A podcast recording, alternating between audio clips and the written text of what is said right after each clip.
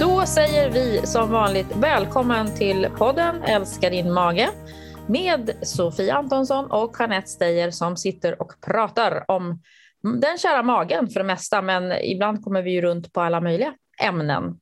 Eller vad säger du, Sofia? Ja, men jag säger hej och jag säger eh, ja, det gör vi. Och eh, jag tror att jag har ett avsnitt idag som heter 102, va? Det har vi, det stämmer. Mm. Avsnitt 102. Vi det... jobbar oss fram mot 200. Ja, det blir 2025 kanske vi har kommit ja. dit. Eller sånt. Kanske. Man vet aldrig. Ja. Ha, jo, men det är så sant så. Hur eh, står det till hos dig? Eh, det står mycket bra till hos mig, tackar som frågar. Jag eh, lever dock utan kök vi håller på med en väldigt stor renovering i hela vår undervåning. Eh, det vill säga, jag har köket utspritt, kylskåpet står utanför, mikrougnen står uppe i badrummet och någonstans mitt emellan försöker vi laga till lite mat. Eh, det går sådär. Jag har provat en del sån här halvfärdig mat. Jag är rätt trött på det nu efter en vecka eller två. alltså jag fattar läget. Vi, det gjorde ju vi som hade en sån mm. period eh, när ja. vi bodde på lite olika ställen och inte hade någon, något kök eller ja, det, var, det, det var inget roligt till slut faktiskt. Nej, och grejen är ju den, man tänker så här, ja men man kan alltid laga någonting och man kan liksom få till det bra ändå och man får trolla. Men när man håller på med en renovering, då, då har man liksom, det enda man vill det är bara äta lite snabbt för att man ska jobba vidare för man vill bli färdig så att man kan få ett kök så man kan laga mat på riktigt. Så man har liksom inte vare sig orken eller fantasin att stå med någon skärbräda Eh, på ett badkar, höll upp så här, nej men i en badrum och, och fixa grejer. Så känner jag. Så att det, blir väldigt enkel mat just nu. Mm, det låter ju rimligt. Men det, ni ser kanske ljuset i tunneln? Vi ser ljuset i tunneln, absolut. Mm. Så jag mm. längtar till att få ett ordentligt kök och ett fint kök. Det kommer bli så fint att få laga massa härlig mat, för det gillar ju jag. Mm. Och själv då?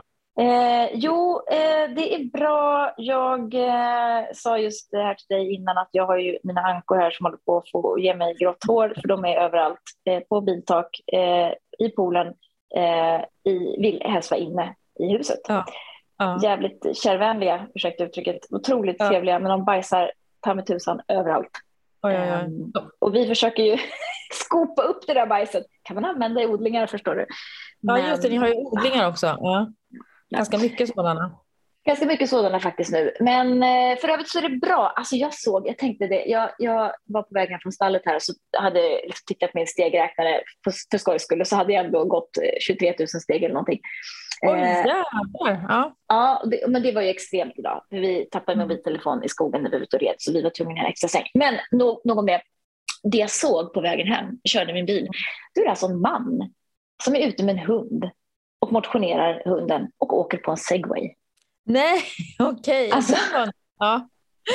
Alltså då, då missar man till och med den motionen att gå ut och gå med hunden. Man tar det på en segway. Ja, det är lite synd. Det kan man säga. Ja, det kändes ändå som att liksom, dude, jag, liksom, här kommer jag med mina steg och du kan inte ens gå en kvart med din hund.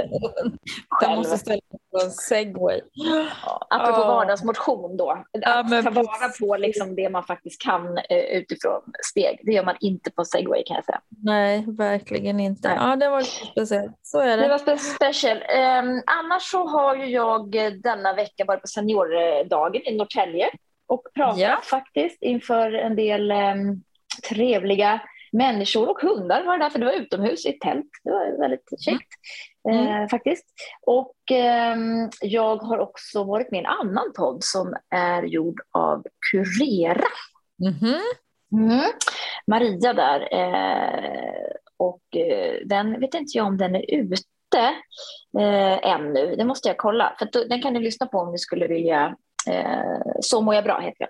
Mm-hmm. Där är jag intervjuad. Ja, eh, så där pratar jag lite om, om, eller ganska mycket om IBS och magen. Och, men också så ett annat take då, utifrån så funktionsmedicinen som vi ändå måste, tänker jag, adressera här ju. För det är ju, det är ju faktiskt fler och fler som jag pratar med och säkert du också träffar. Så, ja, men jag har varit hos en funktionsmedicinsk läkare och, och jag har gjort de här proverna och sådär. Um, mm. Och det är, ju, det är ju intressant och se hur de här två skolmedicin och funktionsmedicin närmar sig varandra. Mm. Mm. Jag kan inte säga att jag har tillräcklig erfarenhet än av funktionsmedicin för att säga om jag tycker att det verkar som att det är liksom halleluja eller om det är lite sådär nja. Naturligt är ju att de patienter som kommer till oss är ju sådana som kanske inte har blivit hjälpta på andra ställen. Och då är det klart, då får man heller ingen bra liksom, uppfattning om kanske just det de har provat. Nej, och då menar du att de har provat inom skolmedicin eller inom funktionsmedicin? Eller? Eller? Ja, alltså merparten inom skolmedicinen naturligtvis mm. än så länge. Men jag har också haft ganska många som har varit på såna funktionsmedicinska eh, ställen. En del har blivit hjälpta, men många har faktiskt inte blivit det. Och det, då kan Nej. man börja fundera på sådär, att det, det, kostar pengar och så blir det sådär lite, ja. Men jag, mm. med det sagt så vill jag ändå tro på att det måste finnas en eh, en kommunikation och ett sätt att jobba ihop på liksom, skolmedicin och funktionsmedicin. Jag tror att de kompletterar varandra jätte jätte, jättebra. Jag önskar att fler läkare också kunde ha lite liksom, insyn och kunskap i båda fälten. Men sen tänker man väl att man kan också se funktionsmedicin är väl ett ganska stort område, men som jag har förstått det också att den kanske rör sig mer i framkant av utvecklingen där det då ännu inte finns alla de här stora studierna och forskningen som skolmedicinen kräver.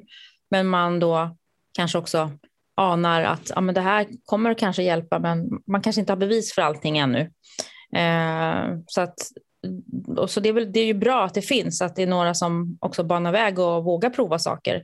Och vågar tänka på ett annat sätt än gammal klassisk skolmedicin.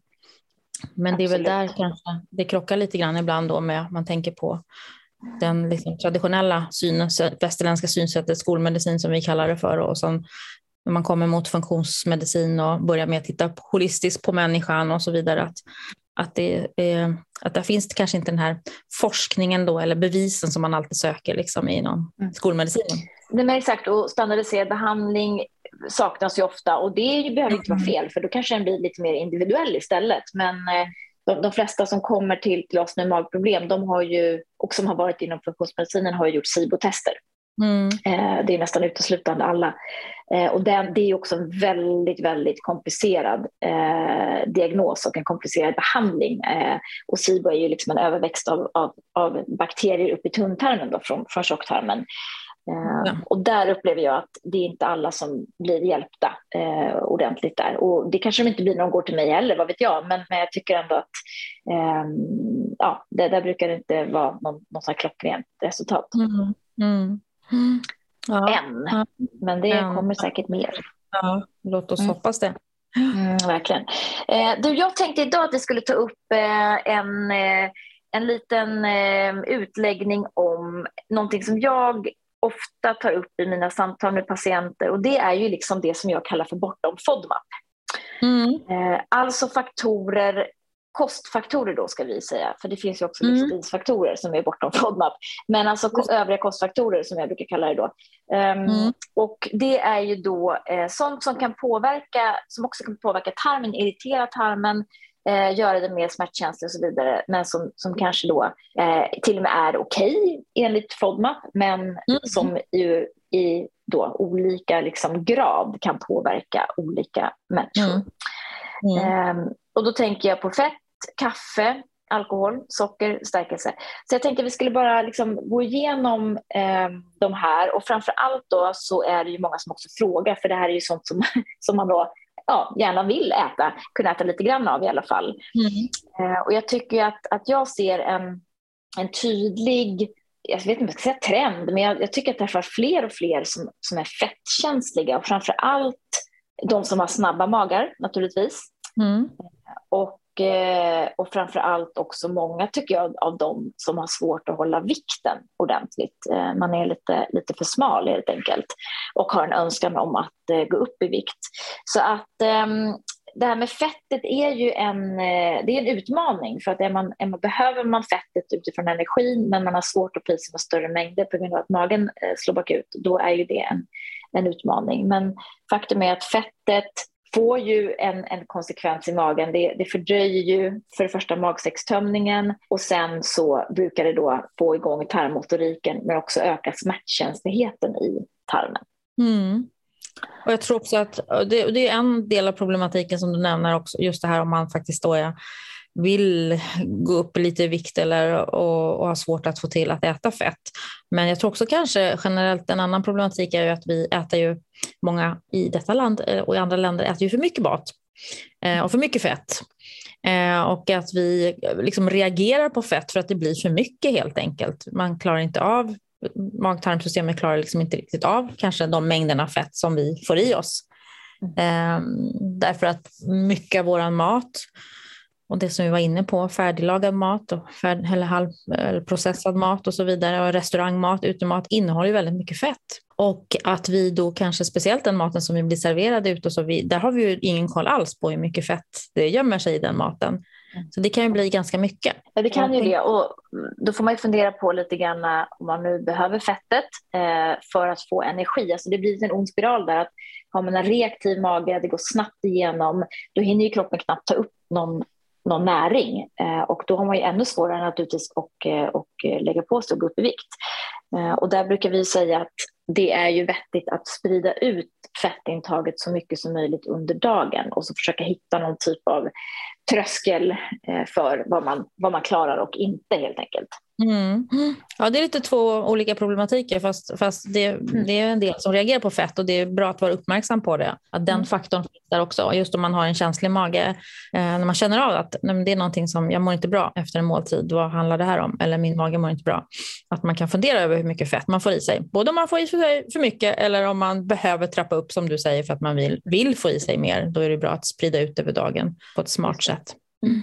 Många tycker jag som säger att ah, men jag kan inte ens äta laktosfria produkter. Är det mjölkproteinet jag reagerar på? Typ så här grädde och glass och så. Och då mm. är det ju nästan alltid eh, fettet som är mm. problemet. Att de feta eh, produkterna eh, reagerar man då på på grund av fettet och inte på grund av något, något mjölkprotein eller kanske ibland ens laktos. Mm.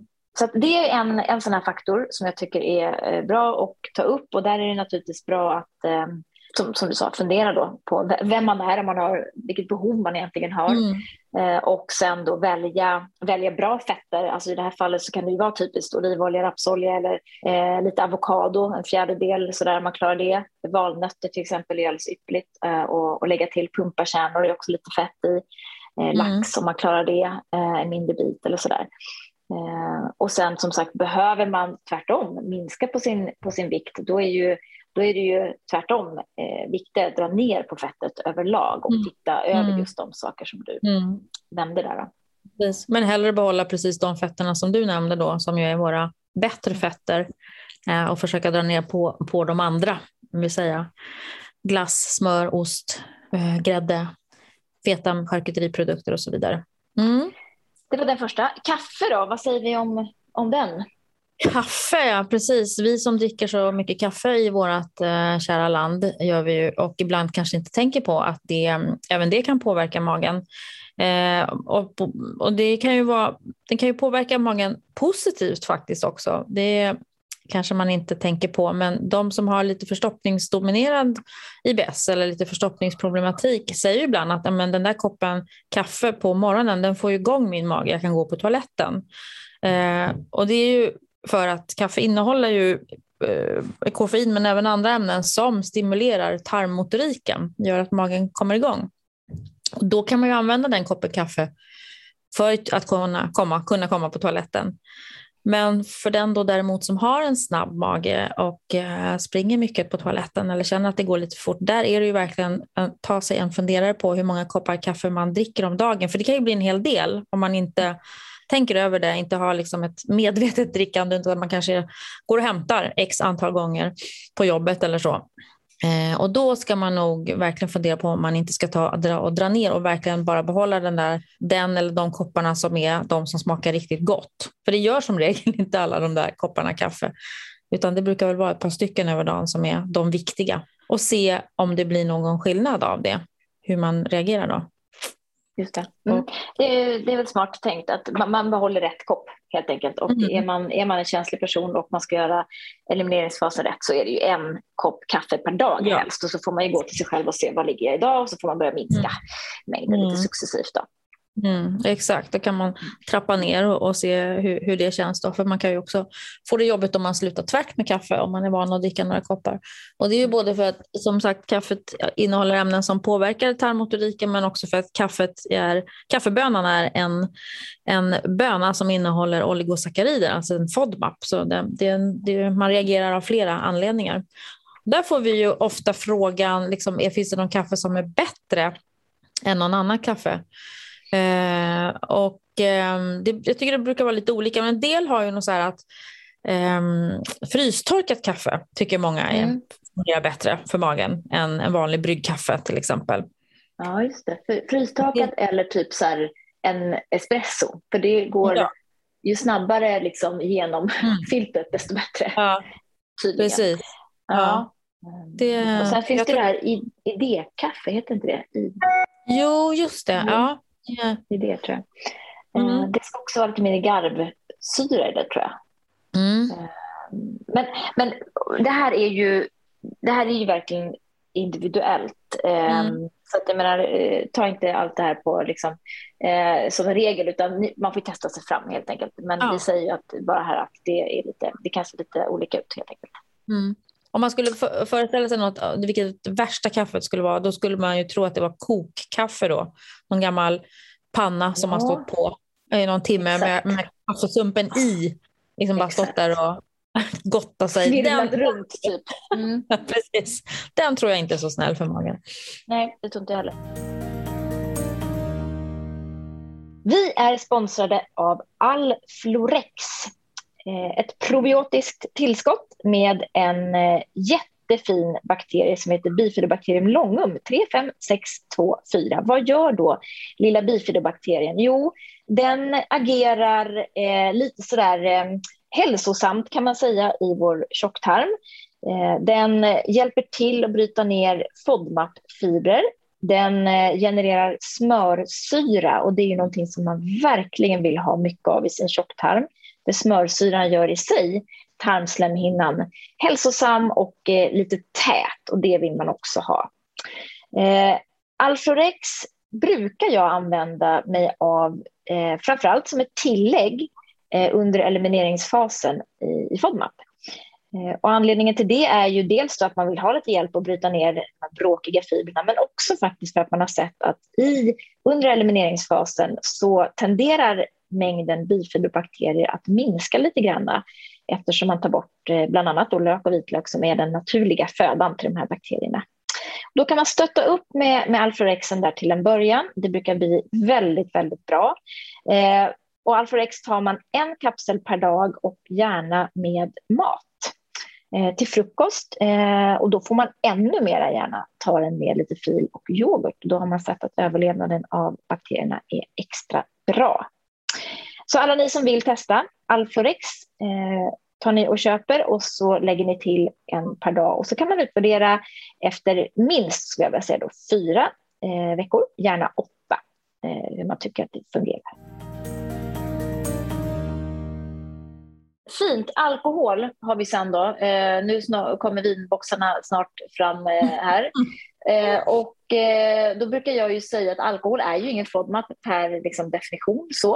Eh, det finns inget fermenterbart i alkoholen, men däremot så finns det då en irriterande faktor. Det påverkar vätskebalansen i tarmen eh, och ibland då också finns det kolsyra i eh, alkoholen. Så att eh, ja, ett glas någon gång då och då, det är ju helt okej. Eh, dricker man mer än så så kan man känna att man blir påverkad på sin mage och eh, då tänker jag också att alkohol kanske man ibland dricker när man ska äta på restaurang eller någonting annat. Och då mm. är det ju oftast inte bara alkohol, utan då är det både fett, en stor mängd, det kanske är lite FODMAPs och alkoholen och då blir det ju lite dåligt. Lite fullt i hinken som vi brukar säga mm. då. Mm, de svämmar Exakt. över om man får ja. symptom. Och det, är, och det är ofta den där frågan tycker jag man får, ah, men gud var det den där såsen eller var det där? Fast det är ofta liksom summan av kardemumman som gör det, att liksom kombinationen av de sakerna som du just nämnde, det blir för mycket för en känslig mage. Att det, är, liksom inte en enstaka sak som har gjort det, utan när man lägger ihop det där så blir det too much. Too much. Eh, sen får vi mycket frågor om vilken alkohol är bättre än ja, någon annan. Mm. Eh, och då vet vi inte riktigt. En del tycker att öl är eh, lite urbubblad öl. Alkoholfri öl funkar ju. Det, då är det mest bubblet man, man eh, tänker på. Eh, mm. En del tycker att vitt vin är bättre, att rött vin ger eh, någon typ av överdels, alltså magsex, liksom relaterat halsbränna eller svid eller sådär. Mm. En del tycker att bubbel känns bättre. Mm. Ja. Ja, det är verkligen individuellt det där. Det är det. Och, mm. och, man kan ju se upp då just om man ska dricka någon drink, att, att vad det är om man har massa olika ingredienser och frukt, juicer och grejer i. Det kan man ju se upp lite grann med, för då kan det ju bli hög i FODMAP. Det kan den verkligen. Och nu kom mm. jag på att jag var på en middag här för någon månad sedan eh, och då träffade jag en man där, eller satt mitt emot honom och så skulle vi dricka lite och jag sa nej men jag, jag dricker liksom typ ingenting, jag klarar inte det, sa jag. Eh, mm. Han bara, men inte jag heller. Han var ju min nej. ålder. Han bara, ja. men alltså det är så sjukt för jag har liksom, jag kan inte dricka. Det går inte, jag mår så dåligt dagen efter. Ja. Ja. Um, så att jag, då har jag också valt att bara strunta i det helt. Mm. Men då mm. så hade han eh, börjat nysta i det här med histaminintolerans, eh, eller att det liksom ja. blir en histaminfrisättning av alkoholen. Så han eh, körde antihistamin. Okej. Ja, och så. fick inte någon, någon liksom, eh, det, det, tog bort helt enkelt, eh, tog udden av, av det värsta. Och det kommer jag ihåg när man var yngre, då tog man ju det innan man gick ut. Ja. Så att inte vi, vi var, det slog mig då, jag bara, gud, vad är det jag på med? Alltså, ursäkta, det är inte att rekommendera det här som någon sorts antibakfyll-trick. Men alltså, ja. detta är ej en rekommendation från dietisterna. Jag har aldrig hört om detta. Det kom som en nyhet för mig. Det var väl bra det då kanske. Prova, ta, ta en tablett och så bara dra på en riktig fylla. Nej, Nej, men jag är också sån där som jag mår inte så bra efteråt så att eh, jag håller mig helst i mindre mängder. Något mer än dig dock, men, men ändå. En enhet, sen är det stopp. Men alltså, jag ska prova någon gång, för jag, jag eh, ska ju börja med mina tabletter här nu innan grässäsongen går, går igång, ja. så att jag kan lika bara testa på då och se. Ta ett glas vin och se vad som händer. Ja, precis. Ja, exakt. Ja. Men så att, det, det var det i alla fall om alkohol. Sen har vi då socker och stärkelse och för alla er som har lyssnat på den här podden så vet ni att det kom ju en studie här i eh, höstas någon gång om eh, att, att, att dra ner på socker och stärkelse var liksom lika effektivt som eh, FODMAP i stort sett. Mm. Det var en mm. svensk studie. Um, jag kan inte riktigt hålla med om det, det är i alla fall inte min, eh, min erfarenhet. Men faktum är ju att socker, då, själva sockermolekylen, alltså vanligt till exempel bords, eh, vad heter det, bordssocker, strösocker heter det. Mm. Um, alltså det är ju ingen FODMAP heller per definition um, utifrån fermenterbarhet. Glukos, glukossirap eh, och så vidare, sackaros är ju inga fermenterbara eh, sockerarter. Det är fruktosen som är problematisk. Men likväl som alkoholen, eh, mm. när stor mängd socker kommer ner i tarmen, och det, det är sällan man äter liksom en, två godisar, utan man äter ju 25 kanske. Mm. Jag vet inte, mm. men alltså många i alla fall. Eh, och då blir det väldigt koncentrerat med socker i tarmen. Och då försöker ju då enligt den osmotiska lagen tarmen att utjämna detta förhållande. Och då dras det ju ofta ner vätska i tarmen. Exakt. Och därför får man problem. Mm. Eh, så med det sagt så är det ju, vi är ju inga fan av socker, men alltså en, en kaka eller en godis någon gång då och då är ju inte liksom några, några problem utifrån FODMAP. Eh, så att det är väl det vi liksom förhåller oss till. Sen är det såklart att känner man själv att man har ett problem med socker, att man äter alldeles för mycket, ja men då, då bör man ju dra ner oavsett. Ja men precis, man, eh, då kan man fundera över det av andra orsaker också.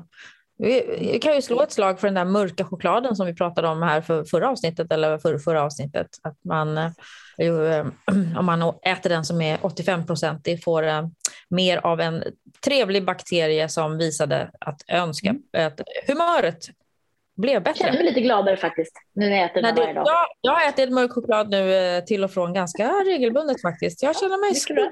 Mm. Du är så glad. Ja. Um, Sista eh, grejen då var det stärkelse. Och stärkelse är ju egentligen en, ingenting man behöver tänka på i den vanliga kosten. Men är det så att man nu följer FODMAP och är en fan av glutenfria produkter, det är främst där vi eh, ser att stärkelseintaget blir väldigt, väldigt stort och koncentrerat. För det finns ju i ja, som en ersättning istället för gluten. Då. Risstärkelse, majs, potatis, vetestärkelse. Och det blir väldigt, eh, ja det kan bli väldigt koncentrerat. Så att, eh, egentligen så är det väl det som jag brukar kika igenom om det är så att man äter väldigt mycket glutenfria produkter. Mm. Ja, det brukar inte bli så bra. Då är det bättre att satsa på, även om de glutenfria produkterna har blivit bättre senare år, så är det bättre att satsa på ja, det som man kallar naturligt glutenfritt. Ät quinoa, mathavre, rotfrukter, andra saker. Baka fröknäcke eller sådant istället för att kanske bara ha, köpa färdiga glutenfria produkter. Mm, verkligen. Mm. Det var de eh, faktorerna, så jag vill bara liksom så skicka med då, ni som kör FODMAP, ni som kanske har startat och känner att ja, men alltså, viss effekt men liksom, ja, inte helt hundra. Så här. Då kan man ju kolla över de här övriga faktorerna, alltså som också kan irritera eller störa magen, mm. tycker jag. Mm. Man rensar upp lite grann där och ser vad är det faktiskt jag, jag äter för någonting som jag kanske inte ens tänker på varje dag. Precis. Mm. Sen innan vi avslutar så vill jag bara ändå, även om du sa att det här var kostfaktorer, jag vill ändå bara lyfta en livsstilsfaktor faktor som jag tycker är så himla viktig att tänka på, för jag tycker jag träffar så många patienter som eh, äter väldigt oregelmässigt. Eh, det går lång tid emellan, man äter aldrig lunch, man äter aldrig frukost, man småäter, man gör diverse saker och det är faktiskt en sån där eh, regel 1A när man har en känslig mage. Börja att försöka göra din mage den tjänsten och se till att testa ett tag att äta regelbundet. Mm. Lite frukost, en liten lunch, ett mellanmål, middag, ett litet kvällsmål. Se hur det känns. Word. Det var bara word. ja, men det, var, det, är liksom, ja, men det, är, det är där vi börjar egentligen, att titta. Ja. Eh, och det, är ju, jag menar, det går ju att köra fasta om man vill göra det. Men, men först och främst så har man en, en, en känslig mage och man äter väldigt oregelbundet så är det ju en stor sannolikhet att, att magen blir lidande eh, på grund av det. För att man äter ju förmodligen ganska mycket när man väl äter då eh, också. Så att det är jag det, det vi liksom tittar på. Ja, ja, precis. När man börjar grotta lite i det så bara, nej, det blir inte så där regelmässigt som man tänker sig att det ska bli. Så att mm. det kan vara ett bra ställe att börja på. Mm. Verkligen mm. så, verkligen. Ja, jag tänkte bara ta upp också en liten spaning som jag hade här, eh, läste om. Eh, det är en dietist i eh, Australien faktiskt. Eh, där kommer även den här kostbehandlingen FODMAP ifrån i sin början Eh, en intervju med henne där hon liksom uppmärksammar det här på att, eh, att man kanske att det har blivit mer tillåtet att prata om IBS och börja prata om sin mage och de här jobbiga sakerna då omkring sin mage, vilket ju inte har, har och är inte heller så lätt och eh, kanske inte sker alltid, även om det skulle behöva göra det. Det här har ju du och jag pratat om i hur många år som helst nu och försöker lyfta eh, liksom, att det inte ska finnas det här tabut omkring att prata om sin mage. Eh, för att det skapar ju ännu mer oh, blir ännu jobbigare just när man har en dålig mage och man inte vågar prata om den heller. Mm. Eh, och då har man, kunnat se att nu liksom på, både på TikTok, Instagram, att det börjar liksom hashtag IBS och ger liksom, då får man så mycket videor och visningar och inlägg liksom än vad man har fått tidigare. Och hon själv då hade eh, för två, två år sedan hade hon cirka 6 000 följare på Instagram men nu har hon uppe på 70 000 följare. Eh, och det uppmuntrar ju henne då till att, att fortsätta för hon säger att det finns tydligen ett behov här att fylla som man kanske inte då får genom läkare eller på andra ställen då och att mm. många människor letar online för att, efter sin hjälp. Så, um, Absolut. Det var bara en en rolig sak att det liksom verkar hända saker där också just på TikTok då som framförallt kanske många unga människor är. Eh, ja precis, det... verkligen att det, att det lyfts där. För jag, jag, tycker att jag kan jag kan nästan känna det nu när man har varit, varit ute mer och så föreläst och träffat folk och liksom pratat. Jag tycker ju att det är flera nu som är mer öppna. Liksom. Ja, men mm. jag är det här, jag gjorde det här, och min mm. väninna hon hade det här, och deras son. Och, alltså det är faktiskt lite mera av en mm. ökad kännedom. Det är bra. Mm. Mycket bra. Ja, det, kan ju, det kan ju aldrig bli liksom, något, något, det kan aldrig bli för mycket av magen, så kan vi säga. Nej. Men det intressanta är att, att det liksom ja, det här är ett annat avsnitt. Men jag, ofta tycker jag att så här, ja, men, ja, precis, det är intressant det med IBS. För jag, men jag läste också om det här med avföringsanalyser och så. Ska man göra mm. sånt kanske? Ja. Tänker jag så här, men kan vi börja, börja ja. i rätt ände, bokstavligt ja. talat. Ja. Alltså, herregud, det är liksom quick fix. Mm. Ja, men det är väl det. Man vill ju det. Man vill gärna ha en lösning fort om man har besvär. Så är det. Mm. Ja. Mm. Så är det. det är inget, yes, inget kommer fort med, med magen. Så är det. Nej, om man inte har IBSD, Då kommer det fort. Exakt, då kommer det fort. Det var allt för dagens eh, avsnitt. Och, eh, jag tänker så här då att eh, om du som lyssnar känner att det här var ju intressant, jag vill veta mer, då laddar du ner appen Belly Balance och provar den gratis. Vill ni som lyssnar eh, boka en tid med någon av oss dietister så går det utmärkt att göra på bellybalance.se, boka tid med dietist och då kan man använda sitt friskvårdsbidrag. Det går också bra att använda sin sjukvårdsförsäkring om man nu har en eh, sådan och alla konsultationer sker på telefon så det går superbra att eh, bo var som helst i det här avlånga landet och eh, för övrigt i andra länder också. Det händer ofta att jag har samtal i, eh, från hela, hela världen. Så att det får ni gärna göra. Mm, ja, det är faktiskt trevligt. Um, mm. Folk lämnar sina nummer och så tänker man, gud, undrar vad det där är för land jag ringer nu. Ja. Häftigt. Ja. Um, så det var egentligen det om det vi ska tipsa om, och Jeanette. Ja, ni följer oss på Instagram såklart. Det. det gör ni också, där finns vi ju. Uh, om ni vill ha lite tips och tricks och uh, bra erbjudanden. Och uh, Ni kan också då skriva upp er för vårt nyhetsbrev som går ut lite då och då och sådär på vår hemsida. Det får ni hemskt gärna göra. Mm. Då säger vi tusen tack för nu. ta hand om er själva och magen och så hörs vi igen snart. Ha det så bra! Hej hej!